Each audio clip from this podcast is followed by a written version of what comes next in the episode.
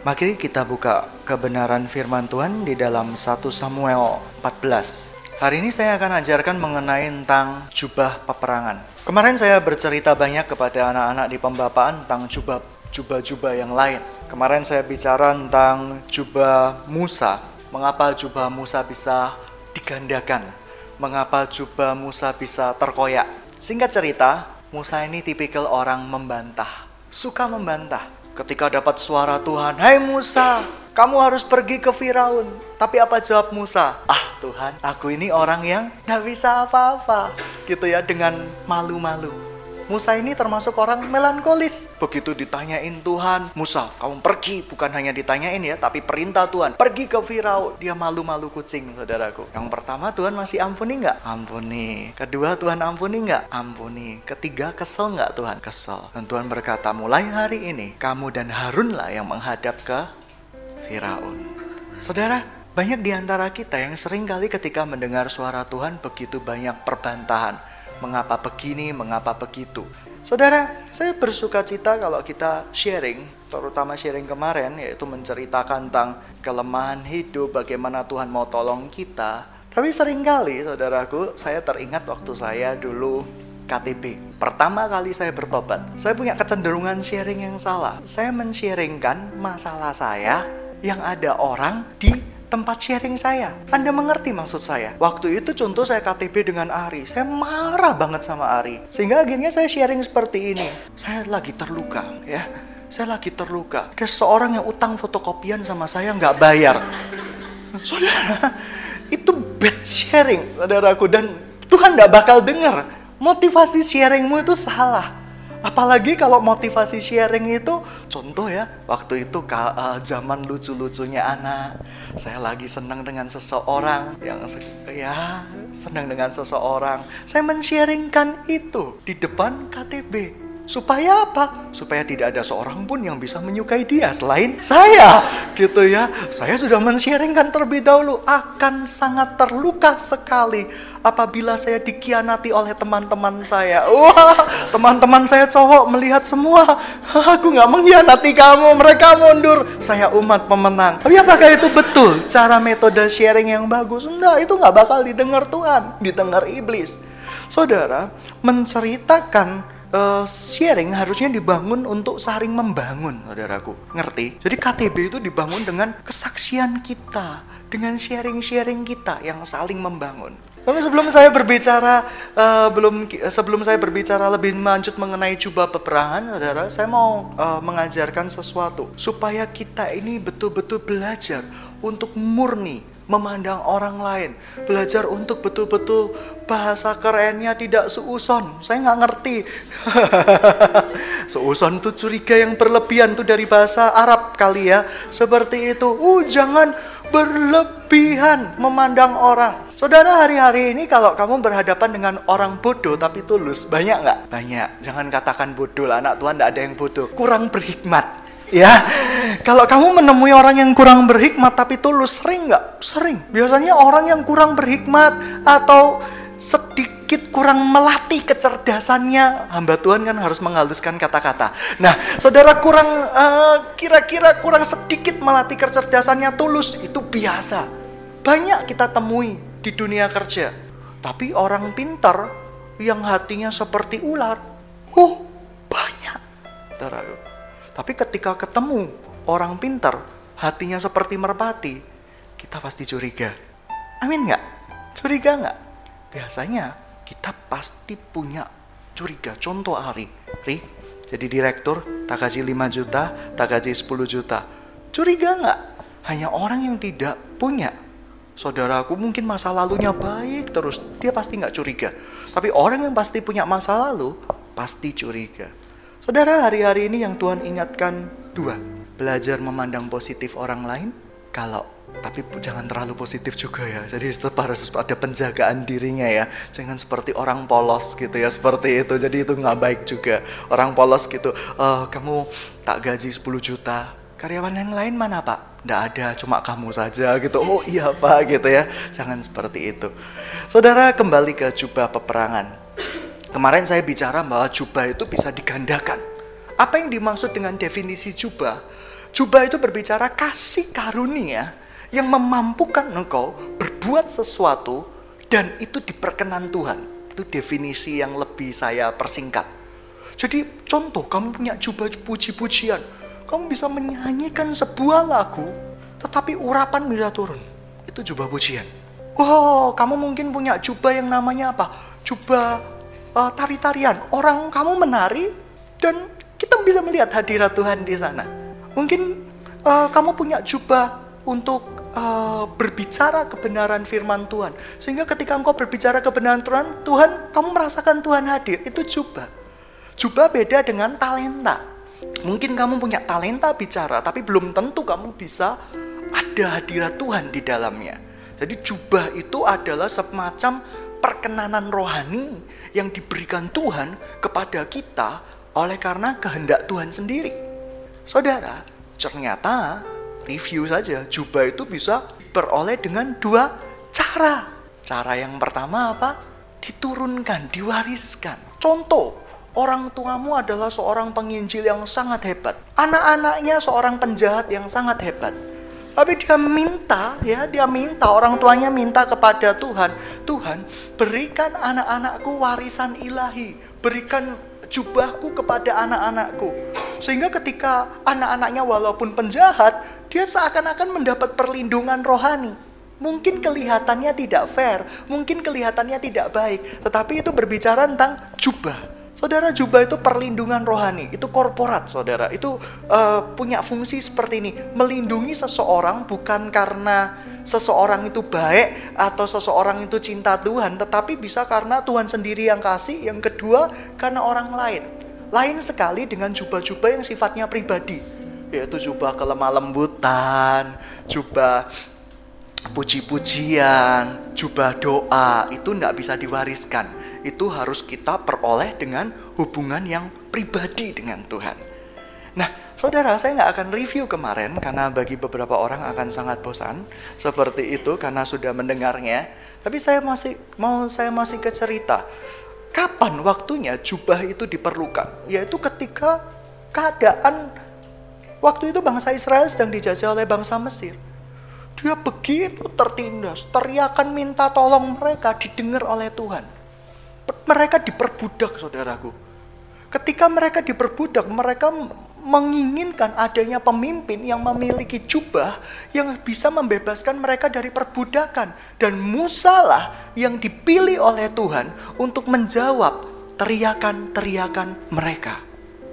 Saudara, ketika Anda sedang dalam keterikatan, terikatan masalah apa pun, keuangan, seksual, masalah apa lagi ya, uh, pokoknya yang porno-porno, kenajisan, saudara, Anda perlu pembebasan. Justru ketika keadaan Anda baik-baik, jubah itu tidak diperlukan. Tapi saya percaya hari-hari ini Tuhan sedang mengirimkan banyak jubahnya untuk kita ambil karena memang Surabaya, Indonesia perlu dengan pemulihan. Banyak orang yang mengaku datang dari Tuhan, membawa pesan Tuhan, tapi hidupnya nggak berkenan di hadapan Tuhan. Oleh karena itu, saudaraku, hamba-hamba Tuhan di akhir zaman ini, termasuk saya, kalau gaya hidupnya tidak berkenan dengan firman Tuhan, harus dimaksulkan. Saudaraku, diturunkan jabatannya. Karena apa? Tidak baik, tidak layak seseorang berdiri di atas mimbar, sedangkan kelakuannya seperti orang yang tidak kenal Tuhan. Tapi hari-hari ini banyak orang yang motivator-motivator yang berdiri dengan memakai kedok hamba Tuhan supaya apa? Supaya orang bisa melihat Tuhan, memperkenalkan kepada Tuhan dengan cara teori berpikir positif, dengan motivasi-motivasi. Itu bukan firman Tuhan. Saudara, hari-hari ini Tuhan menghendaki adanya orang-orang yang mau memakai, adanya orang-orang yang mau mengambil jubah-jubah tertentu yang dikirimkan Tuhan untuk sesuatu hal yang penting buat negara ini. Dalam doa, saya merasa bahwa Tuhan akan kirimkan jubah peperangan Daud kepada kita semua. Lalu apa fungsi jubah? Jubah itu berbicara pangkat. Di zaman dahulu, saudara, mungkin kalian melihat zaman panglima-panglima perang, ada yang jubahnya pakai hitam-hitam, Ada yang merah, oh ini merah berarti panglima. Yang hitam ini berarti apa? Uh, apa ya? Ya, mungkin apa ini kepala pasukan. Kalau putih ada tulisannya salib merah itu palang merah. Terus ini ada apa ya? Uh, banyak jubah-jubah yang harusnya saudaraku Tuhan kirimkan pada masa kini. Mengapa, saudara? Saya percaya, saudara, jubah itu memampukan kita untuk memerintah penghulu-penghulu di udara. Saudara, kamu menjadi kepingin menjadi manusia dengan otoritas tidak? Oh, itu luar biasa. Peperangan kita bukan melawan darah dan daging Seandainya mata rohanimu dibukakan, engkau akan melihat begitu banyaknya peperangan yang sedang terjadi di Surabaya, sedang terjadi di Indonesia, dan peperangan itu harus dimenangkan oleh anak-anak Tuhan. Sayangnya, anak-anak Tuhan tidak memiliki jubah untuk membuat mereka mampu mengalahkan musuh. Pengertian jubah itu seperti ini, saudaraku. Kalau kamu punya jubah panglima perang, kamu bisa memerintahkan 100 ribu pasukan tentara Tuhan. Kalau kamu punya jubah kepala pasukan, mungkin kamu bisa memerintah seribu kepala pasukan, seribu uh, tentara. Kalau kamu punya jubah pengawal pribadi, hanya malaikat pribadimu yang mengawal. Kalau kamu tidak punya jubah apa pun, saudaraku, di dalam peperangan kamu akan bekerja keras. Mengapa bekerja keras? Karena melawan ribuan musuh dengan seorang diri saja. Sementara teman-temanmu yang punya otoritas rohani, dia perintahkan malaikat untuk melawan, dia juga berperang, tapi dia tidak sengsara. Pilih mana? Satu lawan satu atau satu lawan seribu? Kalau Anda termasuk tipikal orang yang sok hero gitu ya. Orang sok hero tau nggak? Ih sok pahlawan gitu ya, seperti itu. Aku memilih satu lawan seribu. Biasanya orang-orang itu akan berakhir dengan mati konyol. Jubah-jubah itu ternyata bisa dicabut, saudaraku.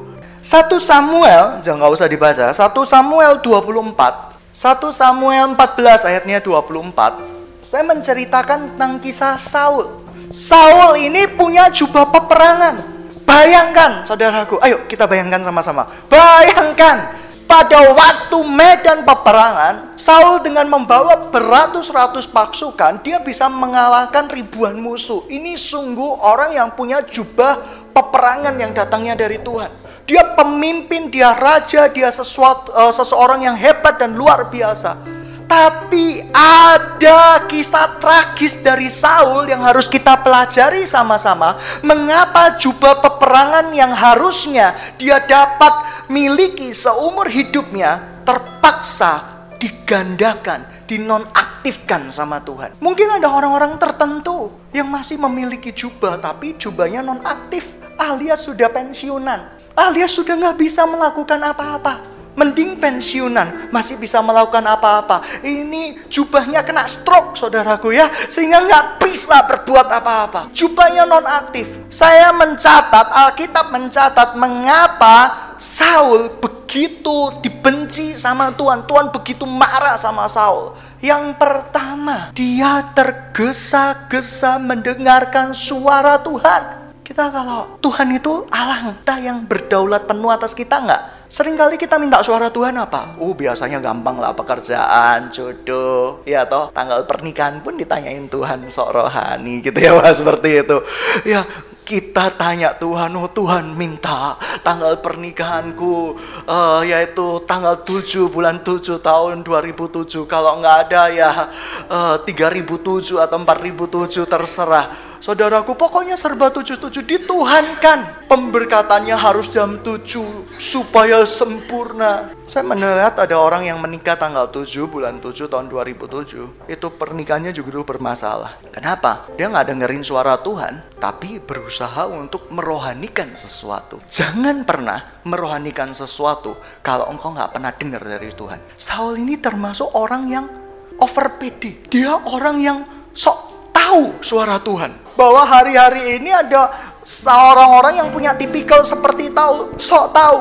Dan ketika Tuhan tidak menjawab engkau, berarti kita harus betul-betul berdiam diri di dalam dia. Saudara saya pernah berkata sama Tuhan, Tuhan, cek hidup saya. Saya mau semuanya mengecek hidup saya. Saya rindu Tuhan memberikan usaha saya untuk kemuliaan namamu. Dan saya percaya hari-hari ini doa saya dijawab. Bukan 10% lagi. Kalau saya hitung, 0,5%. Bahkan mungkin 6%. Saya ambil sisanya untuk pembangunan, sisanya untuk uh, pelebaran misi-misi Tuhan. Saudara, berat, berat nggak? Saudara, mungkin pernyataan saya tidak terlalu berkenan bagi orang-orang yang sangat doktrinnya sangat kemakmuran gitu ya. Tapi saya mau kasih tahu bahwa sebelum engkau punya doktrin kemakmuran, kamu harus punya doktrin pengorbanan terlebih dahulu. Orang yang berkorban akan tahu hidupnya makmur. Tapi orang yang nggak pernah berkorban, hidupnya makmur, itu saya curiga. Mungkin dia hasil dari rampokan atau rampasan. Amin? Amin. Nah, Saul ini punya salah satu karakteristik yang paling dibenci Tuhan dia berdoa, dia kumpulkan kambing domba, saudaraku. Dia dia pila-pila, dia bakar lemaknya dan dia kepingin Tuhan jawab hari itu. Karena yang pertama kesalahan Saul, dia gegabah. Dia suruh rakyat yang mengutuki orang yang minum air waktu itu. Akhirnya apa? Anaknya yang kena tulah. Yonatan jadi kusta apalagi saudaraku kesalahan Saul yang kedua. Kesalahan Saul yang kedua, dia adalah orang yang sok pede. Dan dia sok kuasa. Dia doa sama Tuhan, Tuhan saya minta dijawab. Mengapa engkau tidak jawab aku firman Tuhan mencatat demikian? Dan Tuhan biarkan. Karena Tuhan tidak jawab itu berarti Tuhan berkata, tunggu Saul, jangan lakukan apa-apa. Dengarkan saya, ketika Tuhan sedang menyuruh kamu duduk diam, manis, tidak pelayanan, cari wajah Tuhan. Kamu harus lakukan itu. Yang ketiga, kesalahan Saul membuat Tuhan seperti dukun. Dia seperti membuang undi. Tuhan, kalau benar Tuhan engkau mau aku lakukan ini, pilih Tumim. Kalau enggak Tuhan, pilih Umim. Saudaraku, ini gila. Saul setengah gila. Kenapa saudaraku? Seperti banyak enggak? Orang yang cari jodoh. Tuhan kalau dia jodohku uang 50 di atas. Kalau enggak gambar beladiknya di sebelah. Mau pikir Tuhan itu dewa judi apa? Nah saudara kita melakukan itu. Tuhan. Makanya saya kadang kita kita biasa saja lah. Ketika saya tanya. Kok tahu dia jodohmu? Waktu saya berdoa saya bilang sama Tuhan, kalau hujan berhenti, dia jodohku. Kalau hujan tidak berhenti, dia bukan jodohku. Waktu itu misalnya hari hujan lebat. Tuhan, kalau hujan lebat, Tuhan, ini tidak berhenti dalam tiga detik berarti dia jodohku. Wah, ya nggak berhenti saudaraku ya. Amin. Haleluya. Tuhan baik. Tuhan luar biasa buat kita semua. Nah, Akibatnya, jangan pernah main-main dengan suara Tuhan seperti itu. Saudara, Tuhan itu bukan seperti seorang game, ya kan? Game. Pernah tahu game? Saudaraku seperti itu, kita ada prediksi. Wow, pikirkan tiga angka, itu matematika habis. Saya dulu di SMA diajari, pikirkan tiga angka yang saling berurutan dari besar ke kecil gitu ya. Nanti hasilnya diginikan, diginikan, ya wes berapapun angkanya hasilnya ya itu gitu ya seperti itu karena itu memang rumus Wih, kita main logika, kecepatan berpikir pikiran, saudaraku. Kita buat empat kotak, ya empat kotak. Ya isi salah satu kotak, ap, angka apa saja. Maka saya bisa mengisi ya horizontal sama vertikal sama itu ada rumusnya. Ini D min satu, D satu min dua. Aduh jangan dibodohi orang, saudara. Saudara, tapi ini Saul ini saudaraku dia membodohi Tuhan. Dia meminta game saudaraku sama Tuhan. Tuhan, kok benar jawabannya A? Ya, akhirnya apa? Seseorang disuruh nyicipin. Kalau Tuhan betul-betul ada, cicipin. Kalau rasanya seperti madu, berarti Tuhan suruh. Kira-kira sekarang saya misalnya direktur, saya kepala pasukan, Orang takut sama Saul. Dan Saul hobinya berperang. Saya suruh cicipi anak ini. Le ada madu, berarti kita perang. Le nggak ada madu, kita nggak perang. Kira-kira dia milih ngerasain yang ada madu apa nggak ada madu? Perang karena dia tahu saya suka perang.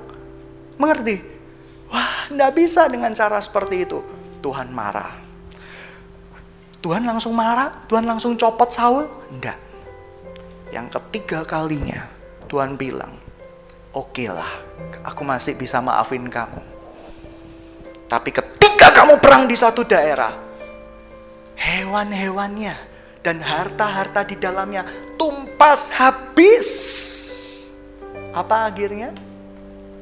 Tidak ditumpas habis. Musuh ditumpas habis, hewan dan harta-hartanya diambil. Ketika diperingati Nabi, apa jawaban Saul? Saul ini tipe ke pengacara hebat. Dia mengerti dalil-dalil firman Tuhan dan dia bisa mensiasatinya. Dan jangan sampai kita seperti Saul, dicopot loh jabatanmu. Akibatnya apa? Saudaraku, ketika Saul berbicara seperti itu, dia bilang, Loh, kan dagingnya, lemaknya untuk Tuhan. Bukan aku loh yang melakukan, rakyatku yang melakukan. Oh hebat ini. Ini raja paling pinter. Saudaraku, pinter ngipul, pinter bujuk. Saudaraku ya, pinter berkelit. Dan akibatnya apa? Akhirnya Nabi itu marah. Dia memberikan pesan kepada suara Tuhan kepada dia Tuhan lebih suka mana? Persembahanmu yang dari hasil pekerjaan kotor atau mendengarkan suaraku. Mengerti? Tuhan tidak butuh perpuluhanmu. Tuhan tidak butuh apa pun. Tuhan butuh kamu mendengarkan suaranya. Ketaatan itu lebih penting daripada korban loh teman-teman.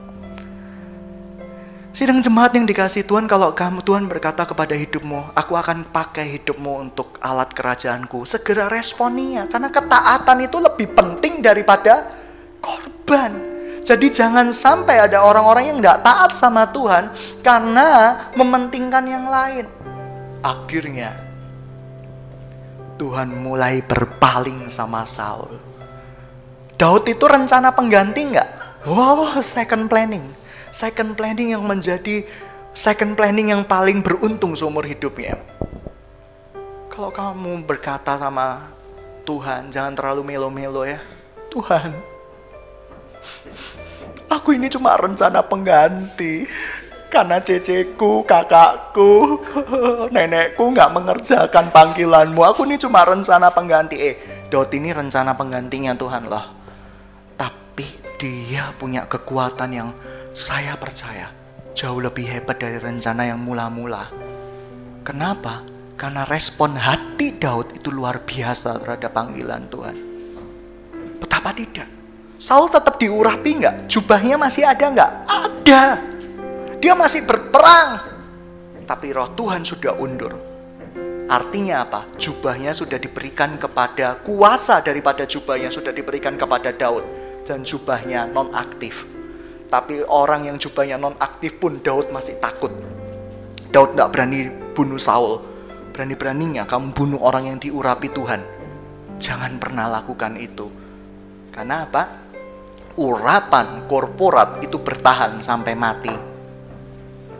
Tapi kuasanya bisa dinonaktifkan. Tapi urapan pribadi, urapan pribadi itu bisa hilang sewaktu-waktu ketika kita nggak taat sama Tuhan.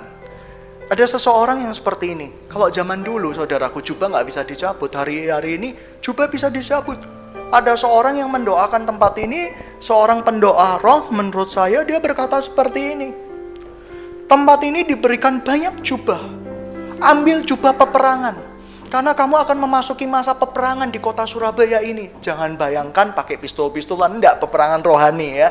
Karena kota ini sudah semakin rusak, saudaraku. Banyak nabi-nabi palsu yang akan muncul dari kota ini. Tapi akan banyak pemulihan juga yang akan datangnya dari kota ini. Luar biasa nggak nubuatan Tuhan? Mau jadi yang nabi palsu atau pemulih? Kalau yang mau jadi nabi palsu angkat tangan. Saudara, nabi palsu itu enak loh disegani, dihormatin. Ya kan? Mungkin Anda sebelum khotbah pergi ke salon dulu, blow blow ya, uh, ya blow uh, buat uh, buat pipi saya merona gitu ya seperti itu, buat uh, bibir saya seakan-akan uh, penuh dengan uh, bibir madu gitu ya, pakai madu dulu saudaraku, buat mata saya kelihatannya bagus, ya Mungkin dilihat dokter kecantikan mata Anda kurang simetris, Anda sebaiknya pakai kacamata. Jadi dia khotbah pakai kacamata. Walaupun tidak ada mennya sama sekali gitu ya, dia men-menkan supaya kesannya cool seperti itu. Daud itu luar biasa.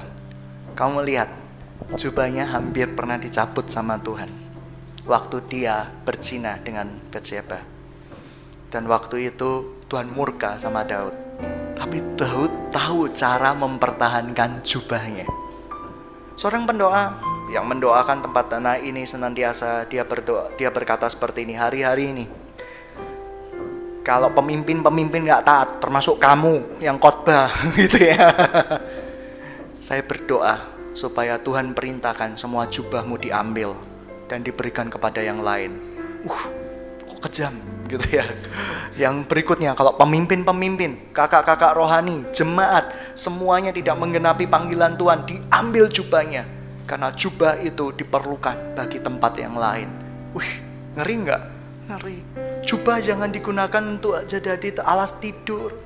Jubah itu dimanfaatkan untuk berbicara kuasa rohani kalau kamu punya jubah peperangan nantinya, seandainya dapat jubah peperangan, contoh seorang penari di tempat ini, seorang penyanyi di tempat ini punya jubah peperangan, jangan dibuat tidur, malaikatmu nanti nganggur.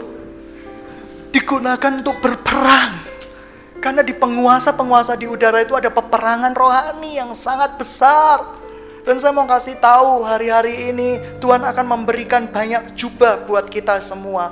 Bahkan kamu akan melihat pemimpin-pemimpinmu. Mungkin kalau saya tidak taat, termasuk saya, termasuk yang lain, akan dilucuti satu persatu jubahnya, akan diberikan kepada yang lain. Saudara, sampai ada beberapa pendoa, dia kirim pesan kepada saya. Kalau gak bertobat-tobat, Tuhan tidak sabar menunggu kebangunan di kota ini. Minta mana? lucutin sendiri jubahmu atau dilucutin dengan paksa. Saya nggak minta dua-duanya. Sehingga saya setiap malam berdoa, Tuhan, nggak boleh ada yang ambil gitu ya. Nggak boleh yang ada ambil. Aku tudungi dengan darah Yesus. Perlindungan full. I love you full Jesus gitu ya. Seperti itu. Dan saya mau kasih tahu bahwa nggak bisa seperti itu. Dan saya tahu jubah itu harus diaktifkan, bukan gaya-gayaan Tahu nggak jubah gaya-gayaan? Hari, aku tahu dosa-dosamu di kamar. Aku tahu gambar uh, apa ya gambar gulingmu Windy Depuh itu. Aku tahu semuanya. Eh, bukan untuk pamer, bukan untuk gaya-gayaan, tapi untuk memperbaiki kesalahan, untuk melayani. Amin. Amin. Coba puji-pujian bukan untuk yang main-main, kalau kamu memiliki jubah puji-pujian bukan untuk show betapa cantiknya saya, betapa tampannya saya ketika menyanyikan lagu ini. Tetapi jubah itu kamu gunakan untuk melawan musuh. Itu yang Tuhan kehendaki. Dan Tuhan mau kita semua memilikinya. Dan Tuhan berkata, aku akan kirimkan jubah peperangan. Ambil jubah peperangan itu. Saya percaya, salah satu di antara kita semua Ketika engkau meresponi panggilan Tuhan, engkau akan punya jubah peperangan. Orang yang dekat sama kamu akan merasakan hadirat Tuhan. Hubunganmu dengan Tuhan luar biasa, dipulihkan dan sesuatu yang luar biasa akan terjadi di dalam hidupmu. Saudara, saya percaya ada pengharapan di hari esok. Dan sebentar lagi sidang jemaat yang dikasih Tuhan. Saya percaya penggenapan janji-janji Tuhan itu akan menjadi kenyataan, akan menjadi sangat nyata sabar dulu. Karena kalau engkau nggak sabar akibatnya jubahmu ditarik seperti Saul. Sabar dulu, ikuti panggilan Tuhan. Jangan jadikan ambisi pribadimu seakan-akan menjadi panggilan Tuhan, ditutup Tuhan nanti. Tahu nggak ditutup Tuhan? Tuh, seperti itu. Ayo tobat. Ambisi pribadi beda dengan visi dari Tuhan. Karena visi dari Tuhan bertentangan dengan biasanya bertentangan dengan ambisi pribadi. Ada yang sejalan, ada yang sejalan. Ada yang bertentangan, tapi banyak yang bertentangan. Teman-teman, bedakan. Itu jangan kita seperti Musa, jangan kita seperti Saul. Belajarlah kita seperti Daud, tapi jangan belajar dosanya, belajar cintanya sama Tuhan. dia tahu cara merayu Tuhan. Amin. Dia punya jubah puji-pujian loh. Lewat kecapi gitu ya. Mungkin di masa kini yaitu pakai gitar ya kan. Dulu kan belum ditemukan gitar, dia pakai kecapi membuat Mazmur Daud. Dan saya percaya suaranya indah sekali. Karena bagaimana tidak saking indahnya. Begitu merdunya ketika dia menyanyikan sebuah lagu. Roja dari Saul gemetar dan dia pergi. Amin. Amin. Jangan sampai ketika kita menyanyikan sebuah lagu puji-pujian roh jahat di teman-teman kita menyanyikan juga lagu more more more I want more gitu ya. Iblis mencari pemuji-pemuji yang gak berkenan di hadapan Tuhan. Menyanyikan lagu puji-pujian tapi hidupnya penuh dengan dusta. Gitu ya. Jadi iblis tetap menyanyikan sebuah lagu lebih dalam lagi gitu ya. Uh, aku mau pujianmu lebih dalam lagi. Karena apa? Baunya kejijikan di hadapan Tuhan. Saudara, kemarin ada orang yang cerita, saya cerita tentang dia mau berbisnis dengan kita. Dia mau bikin sebuah uh, game online. Intinya gitu. Saya tidak terlalu suka dengan game online karena biasanya merusak. Tapi saya kepingin game online yang ada nilai firmannya. Jadi setiap dua menit muncul salib. Setiap dua menit muncul salib.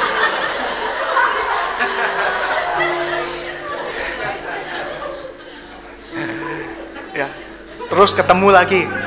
Kemarin ketemu lagi bicara-bicara dia mau buka cabang dari uh, eh, NBC, dia mau buka cabang, dia cerita-cerita sama saya. Koko tahu nggak cara buat uh, persaingan game online itu hancur? Gampang. Kirimkan aja orang yang badannya paling bau main game di sana.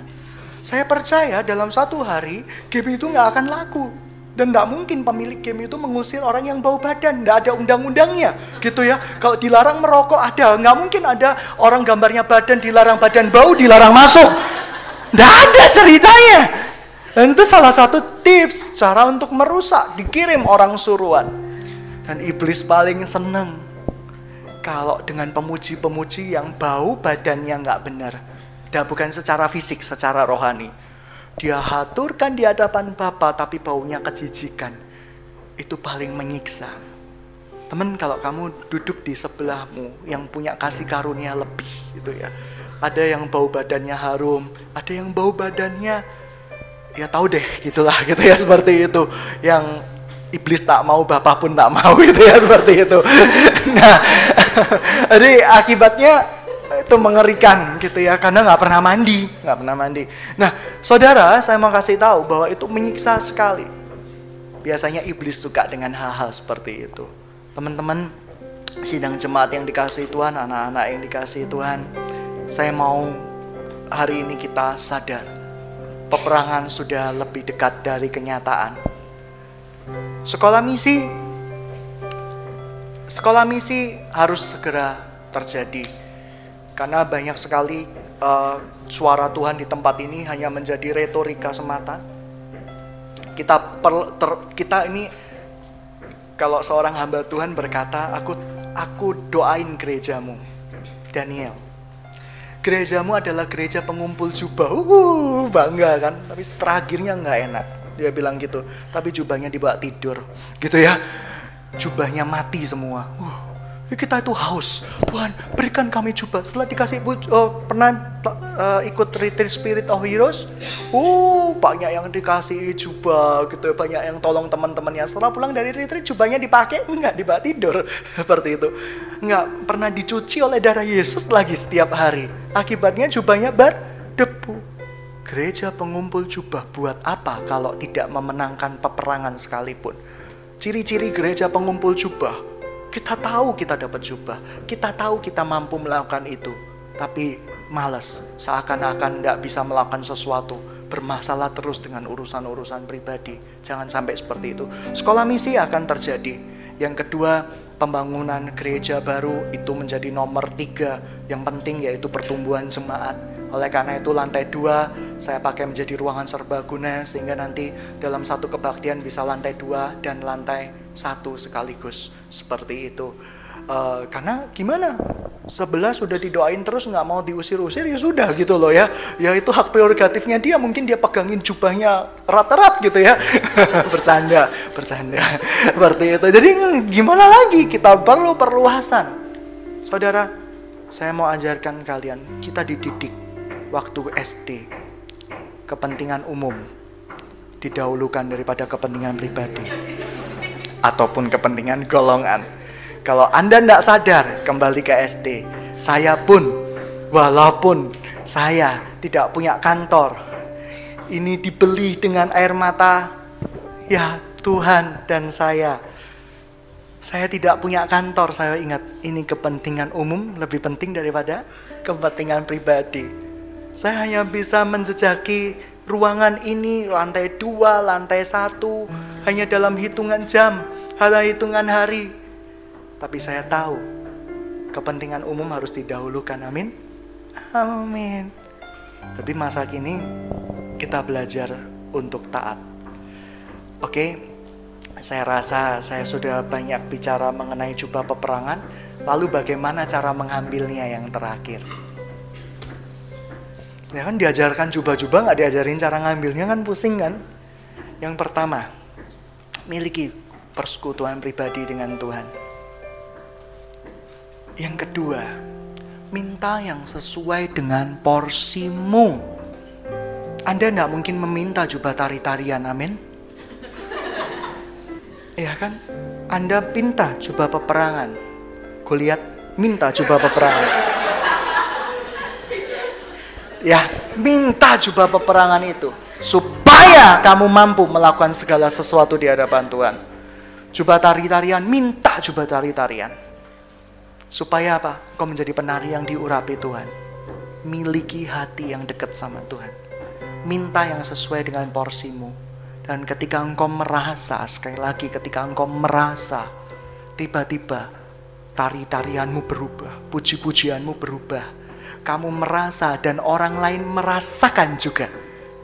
Jangan saya merasa tapi orang lain tidak ngerasa. Itu bukan jubah. Nah, teman-teman, mari yang berikutnya dan yang terakhir saya mau kasih tahu bagaimana cara mengambil jubah. Kalau Anda merasa Anda mau ikut panggilan Tuhan dan Anda rasa Anda perlu ditumpang tangan untuk didoakan, minta seseorang untuk mendoakanmu. Karena dengan ditumpang tangan itu salah satu cara kamu diberikan jubah. Seperti seorang nabi memberikan jubah raja, jubah kepemimpinan, jubah negara. Dia tumpang tangan atas raja itu. Saudara, saya rindu ada hati orang-orang yang hatinya murni, bukan gaya-gayaan punya jubah. Tapi satu kali di pasca berikan hidupnya buat Tuhan, tumpang tangan, dan kau punya jubah. Manfaatkan jubah itu se baik-baiknya. Saudara, sebentar lagi kita akan menyanyikan satu lagu pujian. Kalau Anda menyanyikan lagu Janjimu seperti fajar pagi hari, biasanya pakai tangis-tangisan kan? Seperti orang yang gak pernah melihat fajar pagi hari. Orang yang percaya dengan Tuhan, bahwa berkat-berkat Tuhan itu ada di hari esok, janji-janji Tuhan itu tetap teguh selama-lamanya, akan menyanyikan lagu ini dengan iman dengan sukacita. Mengapa? Ada pengharapan di hari esok, ada jawaban Tuhan di hari esok buat kita semua. Tahu nggak? Apa yang kita alami sekarang ini, Tuhan sedang proses kita supaya kita punya nilai lebih. Di proses Tuhan sakit nggak? Sakit. Saya percaya orang-orang di tempat ini akan punya jubah ekonomi. Proses Tuhan akan proses dulu akan ada punya jubah peperangan, Tuhan akan proses dulu. Mungkin kamu sampai nggak kuat, nggak kuat Tuhan. Saya mau pergi, saya mau minggat. Tapi yang bertahan, dia yang dapat jubah. Mari kita bawa pujian ini di dalam doa. Dengan siapkan iman kita bahwa pada besok hari ada janji Tuhan yang sedang akan digenapi buat kita semua.